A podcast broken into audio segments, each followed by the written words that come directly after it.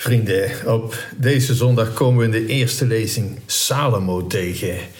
De grote, beroemde koning Salomo. Er was niemand wijzer dan hij.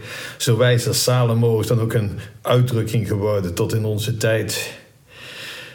Wijsheid, wat is dat eigenlijk? Wijs, dat, is niet hetzelfde als intelligent. Je kunt heel intelligent zijn en, en in de praktijk de stomste dingen doen. Je kunt eenvoudig van geest zijn en toch heel wijs.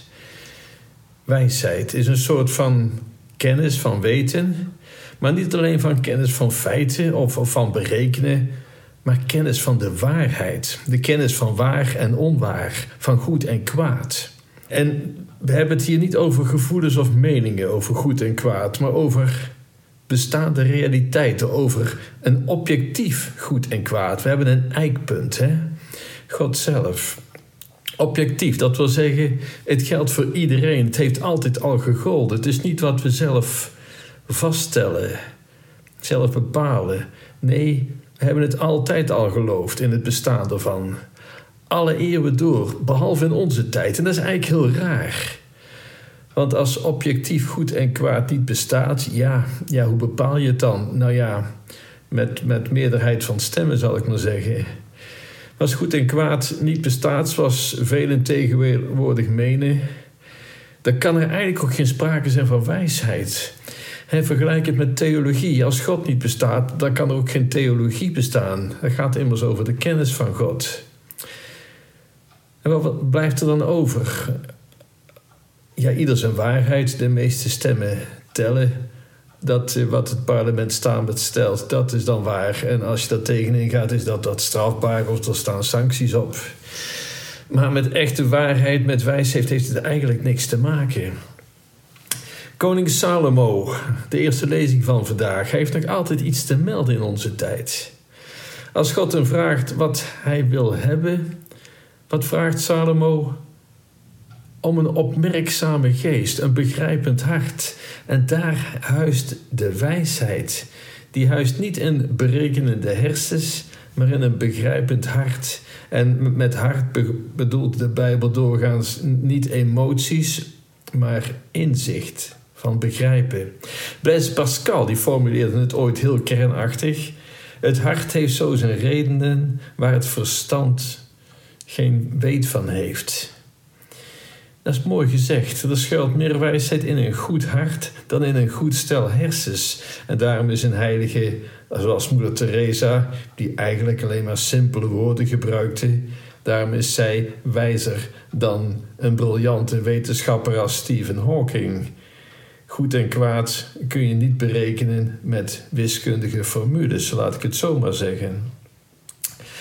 Salomo, hij vroeg dus om wijsheid. Hij had aan God alles kunnen vragen: rijkdom, een lang leven, politiek succes, een machtig leger.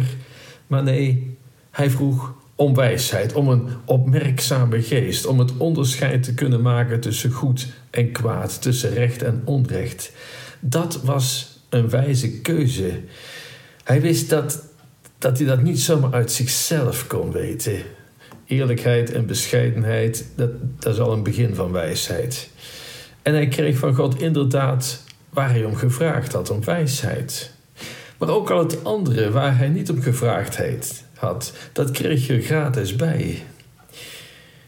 Jezus zou deze goddelijke manier van doen later bevestigen met de woorden: Zoek eerst het koninkrijk Gods en zijn gerechtigheid en al het andere wat je nodig hebt, dat zal je erbij gegeven worden.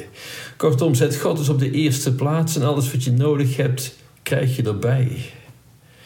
C.S. Lewis die formuleerde het al dus: zoek het hemelse en je krijgt het aardse erbij. Zoek het aardse en je krijgt geen van tweeën.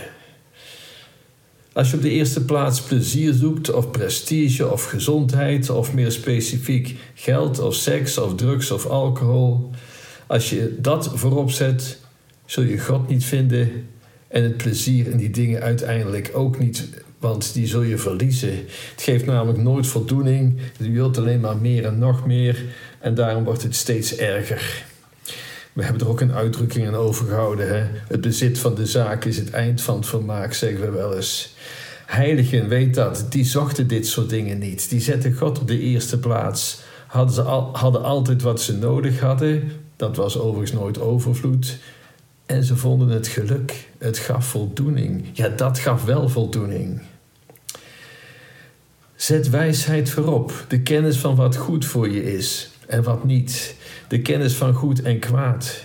We denken dat we dat zelf ook wel weten, maar volgens mij is dat niet zo. Kijk eens hoe het velen vergaat. Je zult bij God moeten zijn, Hem erom vragen. Vraag aan politici, aan geleerden, aan de rich en famous wat wijsheid is, en ze zullen allemaal iets anders zeggen. Terwijl de echte wijsheid toch echt voor iedereen hetzelfde is. Alle heiligen daarentegen zeggen allemaal wel hetzelfde. En de goede God geeft het zelfs aan mensen die, die, die hem niet persoonlijk kennen. Confucius, Gandhi, Socrates. Ze kenden God niet eens persoonlijk. God is genereus, laten we dat maar zeggen. Salomo, hij bezat uitzonderlijke wijsheid, maar Salomo is niet de uitzondering op de regel. Iedereen die er eerlijk om vraagt en het ook werkelijk op de eerste plaats zet, die kan erom vragen bij God. Hij moet dan wel van plan zijn God en de naaste voor alles te zetten. God vroeg aan Salomo: Wat wil je dat ik je geef? Het staat trouwens later ook de eerste vraag van Jezus aan zijn apostelen. De eerste vraag überhaupt van Jezus die we tegenkomen in het Evangelie. Wat zoekt gij? Wat is je diepste verlangen? Is dat God? Het is wijsheid en goedheid en waarheid en liefde. Als je dat vraagt, dan geldt voor jou de vraag en je zult krijgen. Iedereen krijgt trouwens wat hij in zijn hart ten diepste verlangt. God heeft ons een vrije wil gegeven en je kunt zelf kiezen. En je zult zelf krijgen wat je gekozen hebt. God of een afgod. De langste leste is dat overigens het verschil tussen de hemel en de hel. En daarom is het zo belangrijk om bij jezelf na te gaan waar je diepste verlangens naar uitgaan. Je hebt maar de keuze uit twee mogelijkheden: God of je afgod. En die afgod is dan meestal macht of geld of aanzien of plezier of genieten. Of u kent het wel. Laten we leren van Salomo. Weet dat je het zelf niet echt weet wat wijs is. Heb het praktisch besef wie jou die wijsheid kan geven. Kortom, vraag erom in gebed bij de goede God. En heb het geloof dat Hij doet wat Hij belooft. Tot slot dit. Krijgen we van God waarom we vragen? Omdat we waardig zijn in Gods ogen? Eh, nee, we zijn waardig omdat God van ons houdt.